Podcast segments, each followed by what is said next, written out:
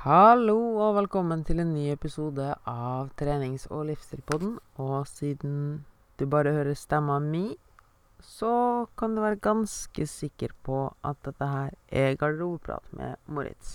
Dette her er jo da episode 73. Og ja, jeg var nettopp innom og sjekka hvilket episodenummer det var. For de har jo blingsa flerfoldige ganger der. Uansett. Det jeg tenkte å snakke om i dag, er to litt spennende tema som på en måte går litt inn i hverandre, men samtidig er litt ulik. Det første jeg har lyst til å snakke om, er et litt morsomt paradoks som gjelder stillesitting og kaloriinntak. Eh, og det kan godt hende at dette her kommer til å ta opp nesten mesteparten av episoden, og vi ser om vi kommer inn på tema nummer to. Hvis ikke, så tar jeg det i en egen episode for seg sjøl. Det det gjelder, er at det er flere studier som viser at det at man er i fysisk aktivitet, gjør at man får en bedre regulering av sult og metthet.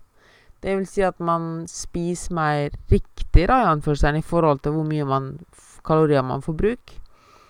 Jeg kommer til å linke til noen studier under her, men det man har sett da, sånn generelt, er at for folk som er veldig veldig stillesittende, så blir dette her eh, sult- og metthetssignalene, da, altså grelin og insulin annet. Altså grelin, når du har mye grelin i kroppen, eller skylt ut mye grelin, så blir du sulten, da. Du kan tenke grrr, gretten, sur.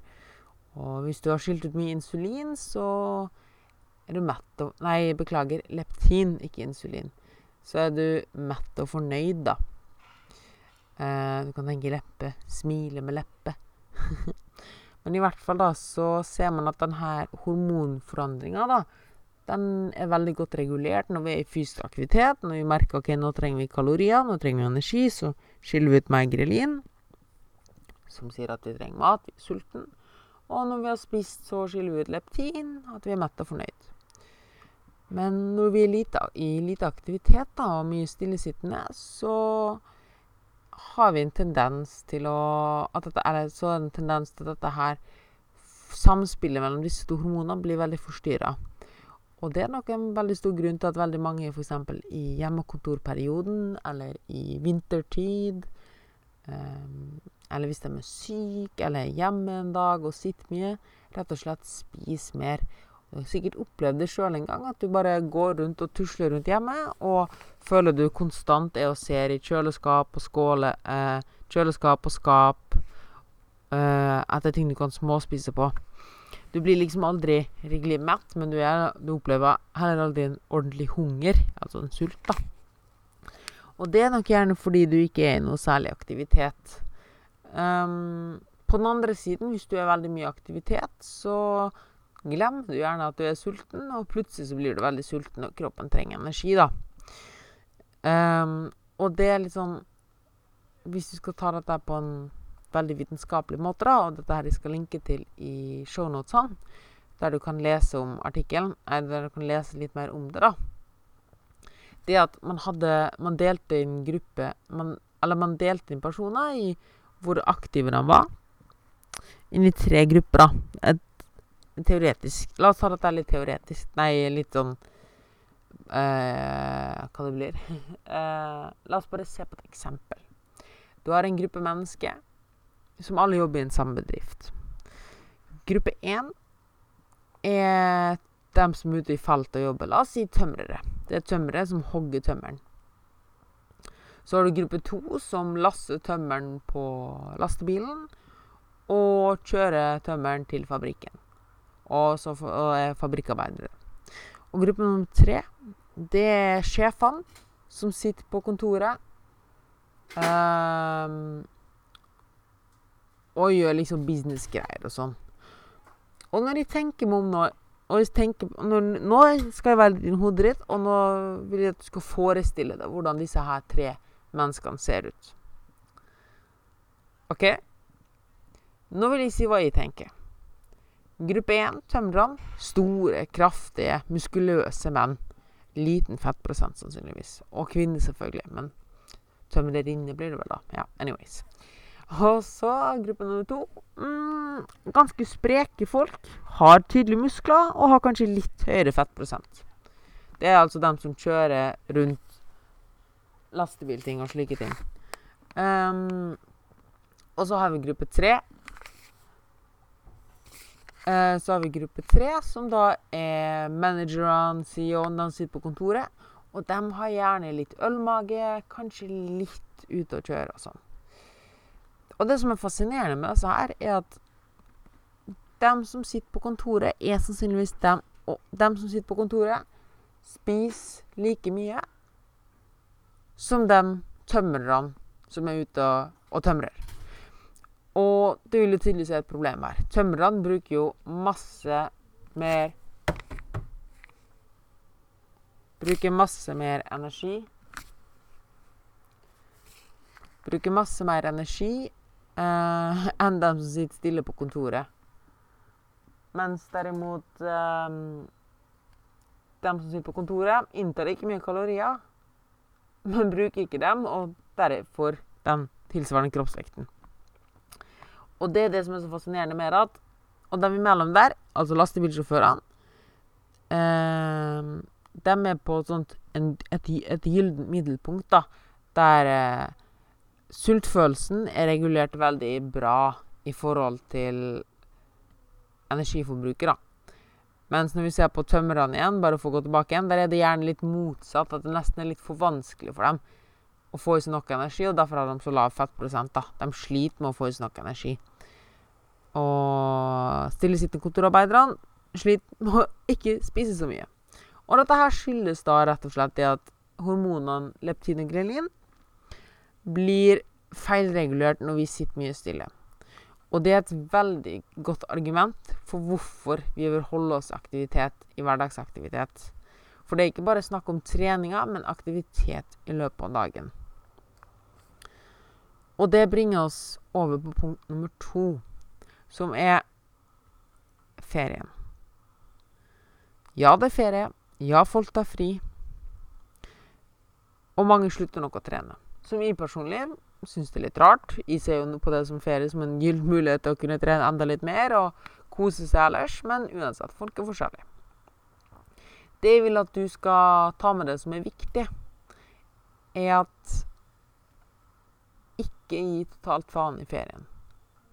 Uansett hvor du er. Da vil du rett og slett Vet du hva? Jeg driter i om du legger på det, eller hva det skal være. Det er ikke det jeg bryr meg om. Nå bryr jeg meg om åssen du kommer ut av ferien.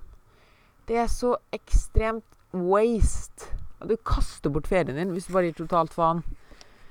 For da bare lever du på gjeld Nei, da lever du på lån, skulle jeg til å si. Da kommer Når ferien da er ferdig, så du, blir du kasta tilbake i hverdagen igjen. Og det lille overskuddet du har samla, forsvinner kjempefort fordi du har eh, senka, redusert toleransegrensen din. Og du må begynne å nedbetale. I tillegg til at du må begynne Det blir egentlig dobbelt opp med jobb, for i tillegg til at du bare må venne deg til at du skal jobbe vanlig igjen, må du også venne deg til den, la oss si, sunne livsstilen din igjen, da. Altså du må ha en helt ny livsstil igjen. Du må starte opp igjen med gamle rutiner og vaner og slike ting. Og det er så tungvint. Så er det ett tips jeg har til deg når det kommer til trening og mosjon. Så er det at OK, det er greit, du har ikke den mosjonen og treningen dine ikke det samme. Og det går helt fint. Men hold på de samme vanene. Hvis du f.eks. har en time du pleier å trene om dagen, så gjør noe annet i den tida. Spill volleyball, gå en tur. Vær i aktivitet, sånn at du holder på den vanen at OK, skal være i aktivitet hver dag. Hvis du pleier å spise tre måltid per dag, så hold på den vanen. Hold på den strukturen. Ja, det er greit at det er annen mat, og det er litt mer kosemat, men hold på vanen og strukturen at du skal ha tre måltid per dag. Ikke stå opp klokka tolv på dagen. Ja, OK, greit, du står opp kanskje en time seinere. Det går fint. Men ikke snu døgnet helt, og hold på de gamle vanene dine. Uh, så skriv gjerne en liste da, over de vanene du har, som du ønsker å opprettholde, som du vil ønske å fortsette med. Um, både på kosthold og på trening. Og det bringer meg over på hvordan du kan gjøre dette i praksis. Og det er noe som kalles minstekrav. Og det har jeg snakka om tidligere, og vil, vil, også linke til dette her lenger ned i shownotene, der jeg snakker litt mer i dybden på det. Men konseptet om minstekrav er rett og slett noen krav du stiller til deg sjøl, som du skal få til hver dag, uansett hva. Og disse minstekravene skal sikre deg for at du vet at OK, i dag har jeg gjort noe som bringer meg nærmere målet mitt. Og det er sikkert at vi ikke faller av, eller føler at vi faller på etterskudd, eller et eller annet slik. Fordi du vet at så lenge du har tikka av minstekravene dine hver dag, så har du faktisk hatt fremgang. Kanskje det bare er 0,1% men du har hatt fremgang så lenge du tikker av minstekravene dine. Og hvis du klarer å gjøre dette gjennom hele sommeren, så kan du se tilbake igjen i slutten av sommeren og, se, og si til deg sjøl Ja, men se, jeg har jo faktisk lagt en ny jobb. Jeg har faktisk ikke latt meg sjøl gå. OK, jeg har senka lista litt, men det går helt fint. Men jeg har ikke, falt, har ikke hatt noe tilbakefall eller falt tilbake eller mista fremgang. Du har kanskje stått på sted, sted og hvil, i verste fall, og i beste fall har du hatt litt fremgang. Fordi du har sjekka av minstekravene dine hver dag. Og dette her er som sagt minstekrav. Det vil si det aller minste minimum du må gjøre for å ha fremgang. La oss si at det er å være fysisk aktivitet, eller spise nok frukt og grønt. Eh, at du for eksempel, at minstekravet er ok, til hvert måltid skal ha noe frukt og grønt. Det kan være et minstekrav, f.eks. Et minstekrav kan være at ok, hver dag skal jeg være ti minutter i aktivitet. Det kan være et minstekrav. Poenget med minstekravene er at det skal være så lavterskel at selv om du blir skutt i foten, så skal det være mulig å gjennomføre disse her. Og du vet at så lenge du har tikka av minstekravene dine, så har du gjort fremgang, og du har ikke hatt tilbakefall. For det er en av de største tingene som skjer etter sommerferien, er at du tenker åh, fuck it. Nå har jeg hatt så mye tilbakefall. Nå orker jeg ikke den driten her igjen. Og det er så tungvint å starte opp igjen. og med og hvis du da skal motivere det, eller engasjere eller mobilisere for å sette i gang igjen, da, så bles du bort alt overskuddet du egentlig har samla i ferien. Og ferien er egentlig litt bortkasta. Så jeg mener ikke at du ikke skal kose deg i ferien. Du skal nyte livet og slappe av. Men pass på at du ikke faller helt av. For hvis du faller helt av, så må det så sinnssykt mye mer til for å komme i gang igjen. I stedet for at du bare heller La bare senker lista, men fortsatt jobber mot målene dine. og dette her gjør du enkelt ved å ha minstekrav.